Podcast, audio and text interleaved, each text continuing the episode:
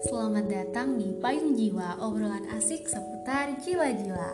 Halo Sobat Jiwa, kembali lagi bersama aku Maya di episode kali ini yang akan membahas putar pandangan mengenai konseling sebaya. Mungkin banyak nih dari Sobat Jiwa yang belum begitu tahu apa dan bagaimana sih konseling sebaya itu.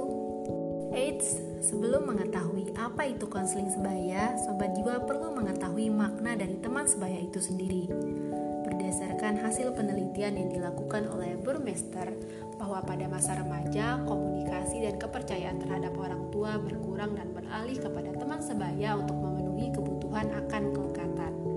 Dengan demikian, teman sebaya dapat dikatakan sebagai remaja dengan tingkat kematangan atau usia yang kurang lebih sama dan memiliki fungsi terpenting dalam memberikan informasi dan komparasi atau perbandingan dunia di luar keluarga.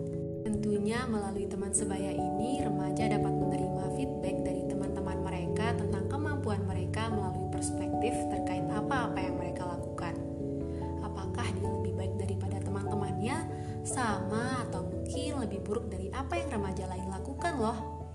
Adapun interaksi teman sebaya memungkinkan terjadinya proses identifikasi, kerjasama, serta proses kolaborasi di mana proses-proses tersebut nantinya akan mewarnai proses pembentukan tingkah laku yang khas pada remaja. Nah, setelah Sobat Jiwa ketahui secara menyeluruh tentang apa itu teman sebaya, kini tiba saatnya aku akan menjelaskan lebih lanjut terkait konseling sebaya yang menjadi topik kita di episode kali ini. So, apa sih sebenarnya konseling sebaya itu? Konseling sebaya merupakan layanan bantuan konseling yang diberikan oleh teman sebayanya terlebih dahulu diberikan pelatihan-pelatihan untuk menjadi konselor sebaya sehingga dapat memberikan bantuan baik secara individual maupun kelompok kepada teman-temannya yang bermasalah ataupun mengalami berbagai hambatan dalam perkembangan kepribadiannya. Hal lain yang sobat jiwa perlu ketahui juga bahwasannya meskipun mereka yang menjadi konselor sebaya bukanlah seorang yang profesional di bidang konseling, akan tetapi mereka diharapkan dapat menjadi perpanjangan tangan konselor profesional loh. Secara khusus, konseling sebaya tidak memfokuskan pada evaluasi isi, namun lebih memfokuskan pada proses berpikir, proses perasaan, dan proses pengambilan keputusan. Dengan cara yang demikian, konseling sebaya memberikan kontribusi pada pengalaman yang dimiliki, yang kuat serta yang dibutuhkan oleh para remaja yaitu respect. Pada hakikatnya, konseling sebaya adalah konseling bagi konseli atau individu yang mengalami suatu masalah dari konselor ahli dengan menggunakan perantara teman sebaya. Dalam konseling sebaya, konselor sebaya merupakan sahabat karena kemampuan dan kelebihan-kelebihan personalnya. Mereka memperoleh pembekalan untuk secara bersama-sama membantu dan mendampingi proses penyelesaian masalah perilaku yang dihadapi oleh teman-teman sebayanya.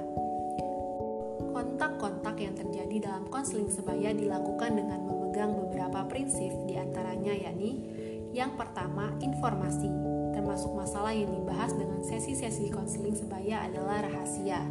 Dengan demikian, apa yang dibahas dalam kelompok haruslah menjadi rahasia kelompok dan apa yang dibahas oleh sepasang teman menjadi rahasia bersama yang tidak boleh dibagikan kepada orang lain. Yang kedua, harapan, hak-hak, dan nilai-nilai serta keyakinan-keyakinan konseli dihormati. Yang ketiga, tidak ada penilaian atau judgement dalam sesi konseling sebaya. Yang keempat, pemberian informasi dapat menjadi bagian dari konseling sebaya, sedangkan pemberian nasihat tidak.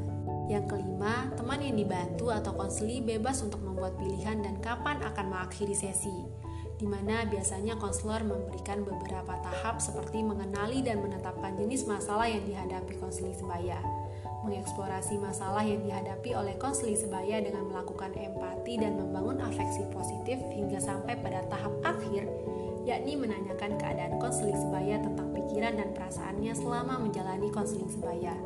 Manfaat serta mengamati perubahan sikap positif konseling sebaya dalam menghadapi masalah perilaku yang dialaminya. Tentu pada setiap tahapan diatur dalam kurun waktu tertentu agar proses konseling berjalan dengan efektif dan efisien. Yang keenam, konseling sebaya dilakukan atas dasar kesetaraan. Yang ketujuh, setiap saat konseling membutuhkan dukungan yang tidak dapat dipenuhi melalui konseling sebaya, dia akan dialih tangankan kepada konselor ahli, lembaga, atau organisasi yang lebih tepat. Dan yang terakhir, kapan pun membutuhkan konselor memperoleh informasi yang jelas tentang konseling sebaya, tujuan, proses, dan teknik yang digunakan dalam konseling sebaya, belum mereka memanfaatkan layanan tersebut. Dan untuk selanjutnya, prinsip-prinsip tersebut dalam konseling sebaya juga berlaku prinsip bahwa segala keputusan akhir yang diambil konseli berada dalam tangan dan tanggung jawab konselor. Nah, gimana nih sobat jiwa penjelasan mengenai konseling sebaya? Apakah kamu salah satu individu yang membutuhkan bantuan dari konselor sebaya sebagai salah satu bentuk pertolongan pertama kesehatan mental dan sedang mencari tempat aman untuk kamu menceritakan masalah atau hal-hal yang mengganggu pikiranmu dengan konseling? Tenang aja, sobat jiwa nggak perlu khawatir karena kini Payung Jiwa hadir membawa program baru. Apalagi kalau bukan layanan konseling sebaya, yang mana konseling sebaya di Payung Jiwa ini sudah melalui proses training, memahami kode etik, serta berpengalaman. Jadi, kamu nggak perlu takut dan ragu untuk konseling di Payung Jiwa. Informasi lebih lanjut dan terupdate bisa kalian temukan di Instagram @payungjiwa.id. Oke Sobat Jiwa, akhirnya kita telah sampai pada penghujung podcast kali ini. Terima kasih banyak sudah mendengarkan. Untuk siapa pun kamu yang sedang menghadapi kehidupan dengan segala rintangannya, selamat kamu adalah manusia pemberani karena sudah mampu bertahan dalam jatuh bangun sampai sejauh ini. Aku Maya pamit undur diri, sampai jumpa di lain waktu dan kesempatan ya sobat